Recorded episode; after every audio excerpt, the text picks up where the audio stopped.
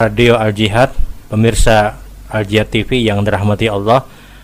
Kembali pada kesempatan hari ini insya Allah kita akan menjawab pertanyaan yang sudah dihadirkan. Assalamualaikum warahmatullahi wabarakatuh. Waalaikumsalam warahmatullahi wabarakatuh. Ustadz kalau kita safar keluar daerah, bolehkah kita sholatnya tidak dijamak dan dikosar? Sholatnya tamam sempurna sebagaimana orang-orang yang bertempat tinggal di tempat tersebut. Mohon penjelasannya. Seorang musafir dia punya pilihan, dia boleh untuk melaksanakan sholat tamam sempurna tapi yang lebih afdal dia jamak kasar karena itu yang mayoritas atau itu yang sering dilakukan Nabi Shallallahu Alaihi Wasallam dan hampir tidak tertinggal. Nabi setiap safar beliau senantiasa melaksanakan sholat jamak kasar atau beliau mengkosor sholat. Kalau ditanya apakah hukumnya boleh ya hukumnya boleh karena ini bicara pilihan sikap tapi pilihan sikap yang terbaik adalah sebagaimana apa yang dilakukan Nabi Shallallahu Alaihi Wasallam.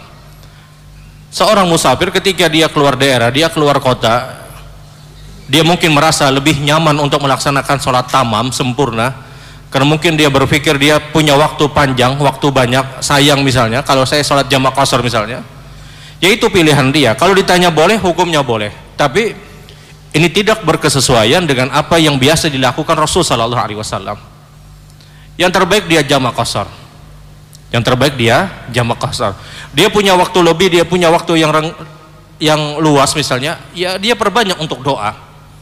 Karena eh, doa seorang musafir mustajabatun la syakka fihinna. Diijabahi dan tidak ada keraguan kata Nabi Shallallahu alaihi wasallam. Di antara ciri khas sempurnanya Islam dia senantiasa memudahkan dan di antara kemudahan yang dihadirkan oleh Allah kepada umat Nabi Muhammad sallallahu alaihi wasallam adalah adanya syariat jamak kasar.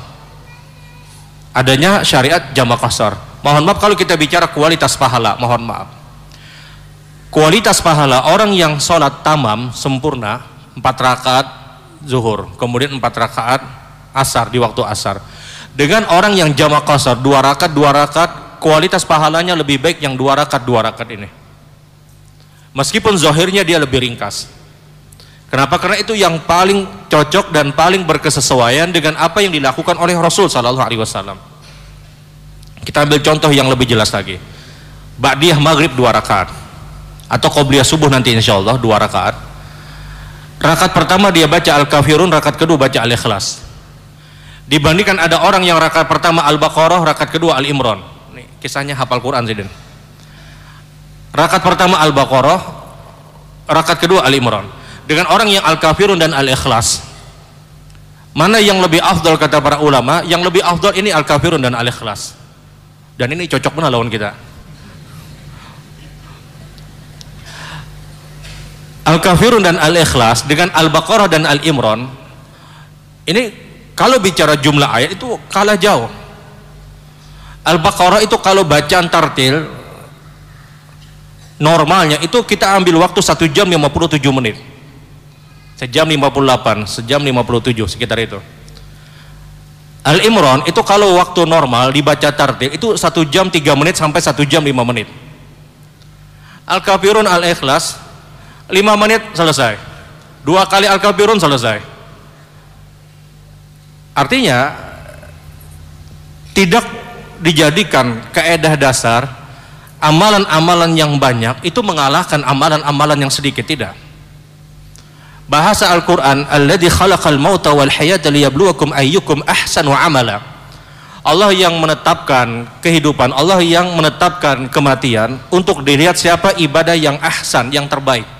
Allah tidak tuntut ibadah yang banyak dulu tidak. Tapi ibadah yang terbaik ibadah yang berkesesuaian. Tidak salah orang itu bacaannya panjang tapi bicara mana yang lebih afdal adalah apa yang paling sering dilakukan Rasul sallallahu alaihi wasallam. Nah, kembali kepada jamak kasar. Jamak kasar sekali lagi mana yang lebih afdal dengan orang yang salat tamam?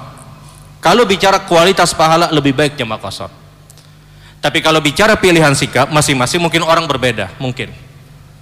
Ya, yang lebih baik dia jamak kasar selesai terlebih dia musafir dia banyak pekerjaan dan yang lainnya dia bisa ambil waktu untuk doa minta kepada Allah subhanahu wa ta'ala nah kecuali kata para ulama bahasan ini adalah bahasan ketika orang itu umroh atau hajian umroh atau haji. Ini beda kata para ulama. Karena umroh dan haji itu bukan setiap saat dia dapatkan. Bukan setiap waktu dia dapatkan. Karena ketika dia umroh, ketika dia haji, dia punya semangat untuk menambah pahala yang berlipat ketika dia sholat di Nabawi atau ketika dia sholat di haram. Dikalikan seribu kali lipat setiap rakaatnya. Kalau dia berada di masa haram dikalikan seratus ribu rakaat. Pembeda inilah yang dijadikan istisna oleh para ulama pengecualian hukum. Karena ada satu kaidah setiap hukum di dalamnya pasti ada pengecualian apa pun itu. Setiap hukum pasti ada pengecualian bahkan ketika bicara masalah akidah pun di dalamnya pasti ada pengecualian. Contoh ada orang yang ditodong engkau harus mengucapkan kata-kata kafir misalnya. Dan ini darurat ya sudah dia katakan kalimat kafir. Ada pengecualian ada pengecualian. Terlebih kalau kita menyeret masalah ini pada bicara masalah fikih. Di dalam hukum itu pasti ada pengecualian nah pengecualian yang disodorkan oleh para ulama berkaitan dengan jama dan kasar ada pada nabawi dan ada pada haram masjidil haram. Kena lipat ganda orang yang sholat di tempat tersebut. Lantas ketika ada orang yang berdalil, bukankah Nabi Shallallahu Alaihi Wasallam setiap beliau umroh dari Madinah menuju Mekah, Nabi itu umroh dalam hidup beliau empat kali, tahun ke-6, tahun ke-7, tahun ke-8 dan tahun ke-10. Setiap Nabi umroh, tiba beliau di kota Mekah, apa yang beliau lakukan? Apakah tamam? Tidak, beliau jamaah kosor. Beliau jamaah kosor. Nah ini dijadikan dalil oleh pendapat para ulama Rasul menurut sebahagian pendapat beliau jamaah kosor kenapa kita umroh kenapa kita haji itu tidak jamaah kosor sebagaimana perbuatan Nabi Shallallahu Alaihi Wasallam dijawab oleh para ulama ini beda kita bukan berada di tanah haram kita bukan berada di tanah haram. Kita bukan berada di tempat sebagaimana apa yang ada pada diri Nabi Shallallahu Alaihi Wasallam. Kita safar kita itu jauhnya luar biasa. Beratnya luar biasa. Sementara ini perbuatan Nabi itu perbuatan umum yang dilakukan Nabi Shallallahu Alaihi Wasallam bahwasanya setiap beliau bersafar beliau jamak kosor dan kembali pada kaidah yang Allah sebutkan setiap hukum pasti ada pengecualian.